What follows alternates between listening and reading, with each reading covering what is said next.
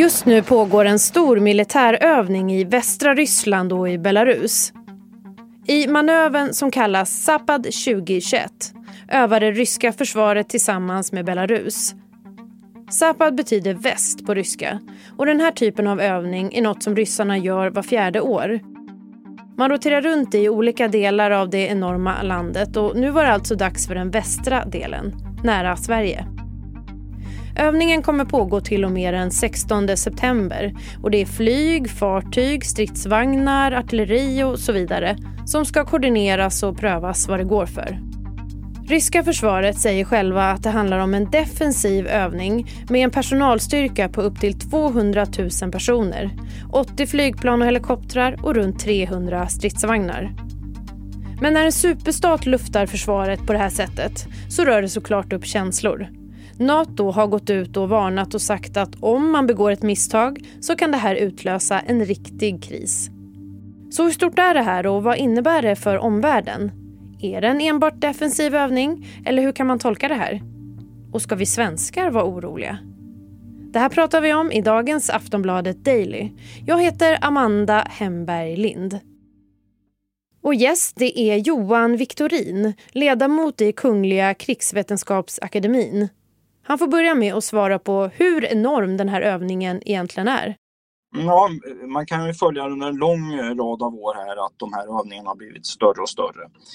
Nu har det ryska försvarsministeriet uppgett att det är 200 000 eh, soldater och sjömän som ska delta i årets övning. Jag är lite skeptisk till att det är så mycket. Det finns liksom ett värde i att lägga lite inflation i det där. Men det är att det är absolut en väldigt stor övning och en, Eh, en av de större övningarna som har varit de sist, senaste decenniet. Helt klart. Kanske till och med en av de tio största övningarna de 30-40 senaste åren. Det, det kan vi nog säga. Och i eh, området då, det är nära, nära oss är det verkligen. Ehm, kan man säga att det har, har varit en sån här stor övning nära, nära Sverige på, på lång tid? Eller är det här någonting som sticker ut? Ja, senaste stora övning hade man ju 2017, eh, då, Zapad 2017. Eh, då var det kanske då antagligen lite färre med, men det är också olika scenarier man övar på men det här är ju en typ av övningar som man bedriver. Sen bedriver man ju också beredskapsövningar med jämna mellanrum. Eh, och de är lite, den här övningen är ju ändå annonserad. Beredskapsövningar de kommer ju bara från, klar, från blixt från klar himmel och då sätter man liksom 6, 10, 12 000 man på fötterna direkt. Och, och, då har man liksom en mycket mindre förberedelsetid och det är därför vi har en underrättelsetjänst exempelvis för att försöka upptäcka sånt innan. Då. Så det är två olika typer av övningar kan man säga. Men så varför genomförs den? Ja, den här övningen, det finns många skäl till att man genomför den. Första och kanske viktigaste skälet är ju att man rent allmänt vill öva hela systemet med flyg och fartyg och, och, och så vidare. Man vill också öva ledningssystemet, alltså hur man kan leda och hålla ihop alla de här sakerna. Man vill öva logistik, hur kan man få fram alla de här resurserna? Massor med flygbränsle, fartygsbränsle, ammunition och robotar och så vidare. Så det är viktiga bitar i sig. Sen kan det finnas element där man förbereder andra operationer. I Georgien 2008 då föregicks den övningen av motsvarande övning då fast det är den södra övningen som heter Kavkas, som betyder Kaukasus. Eh, och det var en övning Zapad 2013 som föregick eh, annekteringen av Krim 2014. Så att det finns ju, kan finnas element här där man förbereder sig på specifika scenarier som man döljer i en sån här stor övning. Så det är liksom de rena militära skälen. Sen finns det ju politiska skäl också. Det är ju att man vill projicera att man är väldigt stor och stark. Eh, och därav kanske man då uppger att det är 200 000 människor fast det kanske i själva verket är bara 80 eller 120 000. Eh, det kan också handla om att man vill då sätta tryck och försöka stegvis införliva Belarus i en union med eh, Ryssland.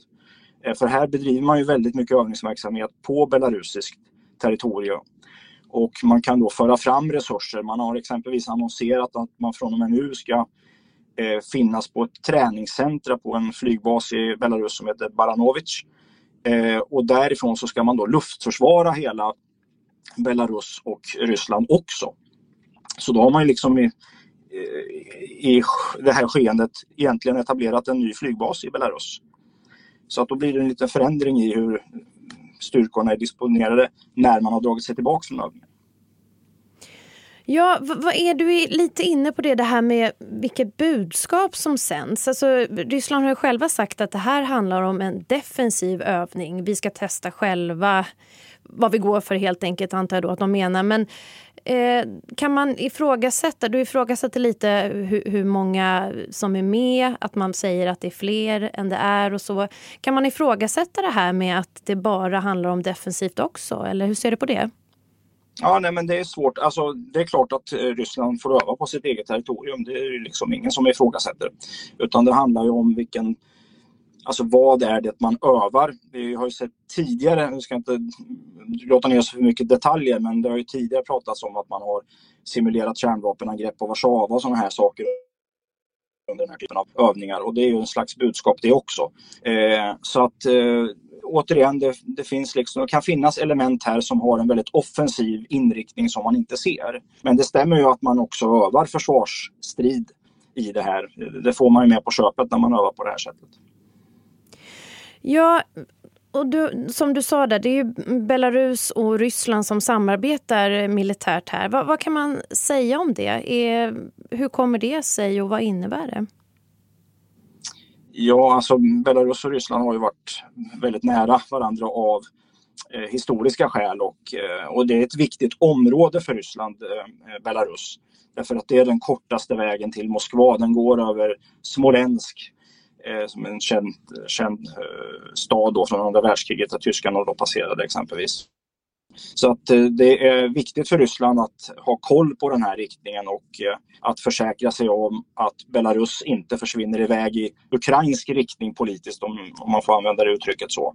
Eh, och därför så i kraft av sin storlek och av det ekonomiska beroende som Belarus har av Ryssland, tillträde till en rysk marknad, energiförsörjning och sådana saker, militära resurser också för den delen, så, så har man då möjligheter att sätta tryck på Belarus Eh, och man kan då, i och med att Belarus använder mycket rysk materiel, eh, i Belarus heter ju säkerhetstjänsten fortfarande KGB etc. Så det, det, finns liksom väldigt nära band i ländernas försvarsmakter och, och eh, ja, i förvaltningen överhuvudtaget egentligen. Omvärldens reaktioner då? Nato har ju sagt att eventuella misstag som görs, det kan innebär att det utlöses en, eh, en, en kris på riktigt då? Mm. Ja, det är väl lite olika schatteringar där tror jag. Dels har vi ju de som är mest nära grannar. Då pratar vi om de baltiska staterna och Polen i första hand. De har ju den här stora styrkorna väldigt nära sitt eget territorium.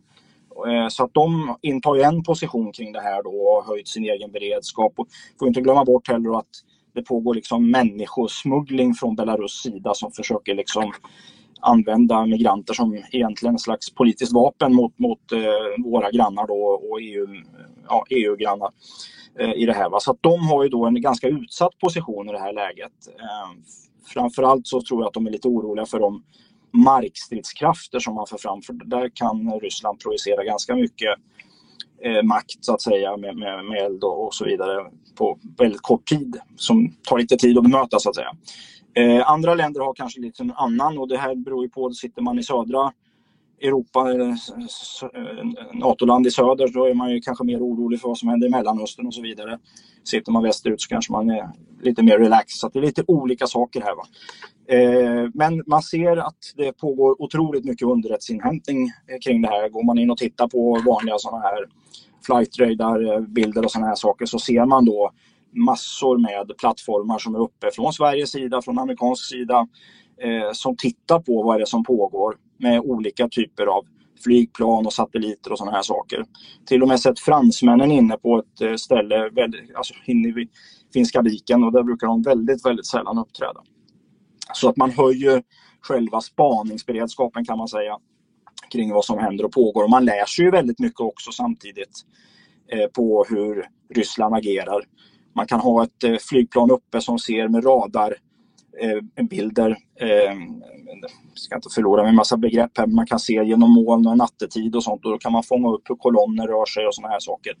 Och då kan man bakvägen räkna ut hur fort kan de transportera fram en en brigad och sådana här saker. Det blir väldigt viktiga ingångsvärden för ens egen planering och så. Ska vi vara oroliga här i Sverige? Nej, inte på kort sikt under själva övningen, det, det, bedömer jag inte. Men däremot som jag var inne på tidigare så är det ju så att när man nu laddar upp den här, för den här övningen och vi kan se exempelvis att ovanligt tidigt har man varit inne med logistik, alltså man lägger upp förråd med bränsle och ammunition. Och man kanske bygger nya anläggningar, man bygger nya ledningscentraler och sådana saker. De sakerna kan ju då ligga kvar när man sen drar tillbaka styrkorna. Så att här kan man då göra liksom en dold, Eh, en, en dold eh, ja, kapacitetshöjande av bränsle, ammunition, robotar, ledningsantenner, eh, olika kommunikationssystem och sådana saker som man kan använda i ett annat skede. Det kommer säkert en övning i oktober kan jag tänka mig. Vi har sett många år har man haft eh, verksamhet eh, i början på december och sådana här saker. Och då kommer vi tillbaka till den här typen av beredskapsövningar där det kan plötsligt eh, uppstå någonting. Sen har vi då, så att det, och det, det påverkar ju oss eh, på sikt och, och själva den risken att det blir liksom ett, ett klimat där man ömsesidigt misstror varandra och så här. Det, det är ju inte riktigt bra. Däremot så tror jag när det gäller, du var inne på tidigare här med incidenter, så, så kan det naturligtvis uppstå. Det kan leda iväg till en kris. Men här tror jag att det finns ganska mycket protokoll kring det. Att är det verkligen ett riktigt misstag, då klarar man av ganska snabbt att reda ut det här. Om det är liksom på väldigt låg nivå. Eh, så. Men sen har vi ju sett också under de senaste fem, fem tio åren att Ryssland har blivit mer ovarsamt och när det gäller att flyga nära fartyg och, och den här saken. Eh, så att det kan ju skapa en hel del irritation och där kan det ju hända sådana lite mer allvarliga incidenter. Så det går inte att utesluta någonting men, men det i sig är nog kanske inte den största risken. Men hur har eh, eh politikerna agerat här i, i Sverige idag? Till exempel försvarsminister Peter Hultqvist? Nej men alltså det finns ju sedan lång tid tillbaka åtminstone till, vi kan backa lite grann. Man höll på med försvarsberedningen 2013 så skedde Ukraina och då så ja då wobblade ju hela världen till och då fick man lite förlängd tid och så gjorde man en lite halvhjärtat försök till att liksom ändra riktning för då var man på väg i en helt annan riktning att det här var helt ofarligt med Ryssland och så vidare. Så att eh, då, då börjar man ta tag i det. här, Men det är väl först med det senaste försvarsbeslutet som man har fått en riktning i det här. Va? Sen är det ju så då att Försvarsmakten har ju varit på svältkur under så lång tid. Så att den har ju, organisationen har ju varit eh, svagare än vad man har önskat. Och det innebär ju att när man ska växa till det här så kan man ungefär som ett barn växer.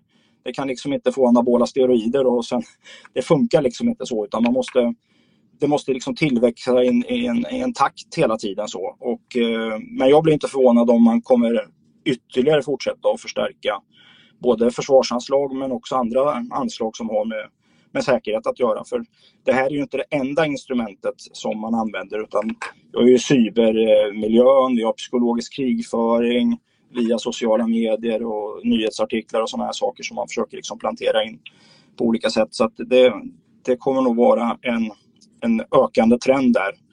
Eh, och det är viktigt här att försvarspolitiken har en, liksom en gemensam bild av detta och det har man ju hittills haft ganska bra. Man brukar, brukar liksom gräla om en halv miljard hit, en halv miljard dit. Men liksom det är riktningen här och att man är enade här som är det viktiga för vår del och att man visar att man både kan och vill försvara sig.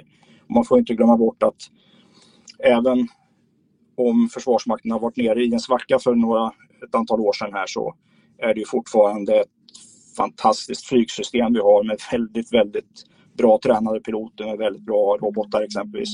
Fantastiska ubåtar och så vidare. Så det finns ju mycket bra saker vi har också. Och som är liksom en tröskel mot, mot militära angrepp. Det säger Johan Viktorin, ledamot i Kungliga krigsvetenskapsakademin. Du har hört Aftonbladet Daily, vår dagliga nyhetspodd. Jag, som heter Amanda Hemberg Lind, tackar så mycket för att du har lyssnat. Vi hörs snart igen. Hej då. Du har lyssnat på en podcast från Aftonbladet. Ansvarig utgivare är Lena K Samuelsson.